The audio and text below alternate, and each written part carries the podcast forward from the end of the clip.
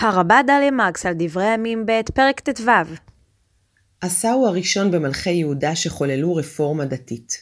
במסגרת תיאור תיקוניו, מסופר בספר דברי הימים על העלייה לרגל ההמונית לירושלים בחודש השלישי.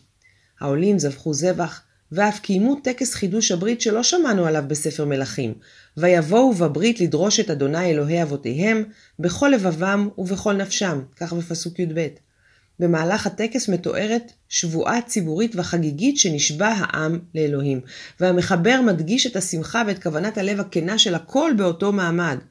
ואולי עזר לכך גם האיום להמית את מי שלא הצטרפו.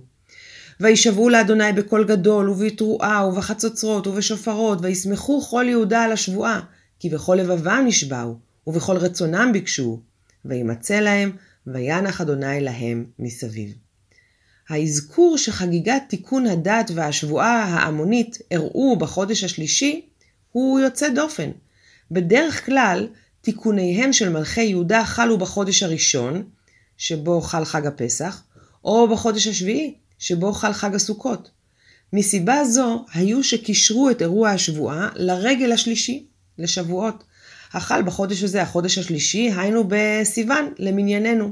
ייתכן אם כן שיש קשר בין חג חידוש הברית ובו השבועה ההמונית שהתקיים בימי המלך עשה, ובין חג השבועות, ואולי נעשה כאן קישור אינטואיטיבי או בדיעבדי ביניהם.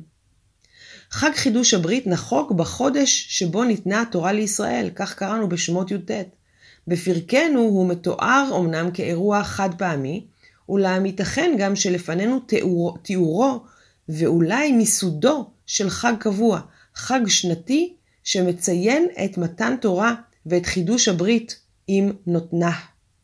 וזאת אולי בדומה לחג שחוגגת קהילת ביתא ישראל, החג שהציגה אותו בפני הציבוריות הישראלית הרחבה יותר, הקהילה האתיופית, שחוגגת שבעה שבועות אחרי יום הכיפורים, את חג הסיגד כחג חידוש הברית.